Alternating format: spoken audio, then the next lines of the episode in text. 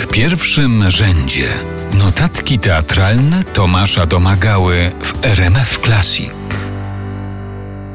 Ze wszystkich ról Krystyny Jandy Najbardziej przekonuje mnie Modrzejewska z telewizyjnego serialu. Może dlatego, że w prawdziwy sposób przedstawia los aktorki i kobiety, tej XIX-wiecznej i tej współczesnej. Gdy patrzymy z jaką determinacją Helena uprawia sztukę, brodząc zarówno w prawdziwym, jak i duchowym błocie polskiej prowincji, z jaką siłą walczy o siebie w przestrzeni prywatnej i scenicznej, widzimy również aktorkę i kobietę Krystynę, walczącą 150 lat później dokładnie o to samo i z tym samym. Może właśnie dlatego jej los stał się w jakiś sposób polskim mitem, opowieścią, w której przeglądają się wciąż grane przez nią bohaterki oraz oglądające ją nieustannie na scenie Wicki. Zawsze uważałem Jandę za aktorkę, której nic nie jest w stanie ruszyć, zwłaszcza gdy stawia pierwszy krok na scenie aż do spektaklu rewelacyjnych zapisków z wygnania, który przyszło mi czwarty raz obejrzeć w ramach jakiegoś z festiwali. Przedstawienie ma formę monodramu z muzyką na żywo. Krystyna Janda zaś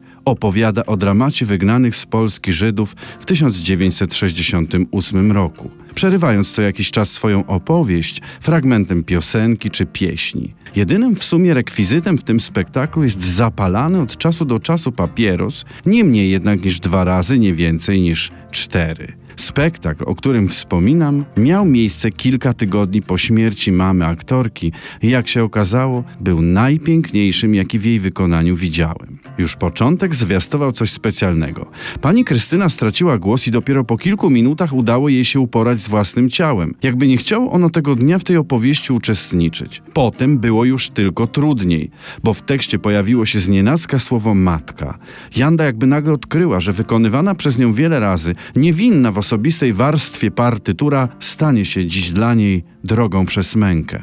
A tak właśnie miało być. Głos jej zadrżał, łza poleciała, pojawił się pierwszy papieros. Siedziałem w fotelu jak oni miały, bo znakomite zapiski poruszające mnie do tej pory za każdym razem do głębi stały się jeszcze bardziej pasjonujące. I ruszyła karuzela emocji. Tekst baral, przeszkoda, połykane za wszelką cenę łzy i papieros, będący czymś na kształt drewnianej kłody, nie pozwalającej Jandzie utonąć w tym oceanie bólu i cierpienia. A potem esencja tego spektaklu kadysz, z którego niewiele pamiętam, bo sam zatopiłem się wraz z aktorką we łzach. Janda sięgnęła po kolejnego papierosa, a ja zdołałem się opanować, bo uświadomiłem sobie, że to już dziewiąty tego wieczoru. Liczyłem je wszystkie, bo wydało mi się, że tylko one mogą mnie wraz z nią i całym tym światem uratować. Dziewięć żarzących się punktów, łączących się w tę przejmującą opowieść, ale i dziewięć żarzących się światełek, pokazujących Krystynę Jandę jako człowieka. A więc i bogowie płaczą, pomyślałem sobie wtedy. I nieoczekiwanie spłynęło na mnie to, czego podobno dziś w teatrze przeżyć już nie można. Stare, dobre, greckie katarsis. Wesołych świąt, drodzy Państwo.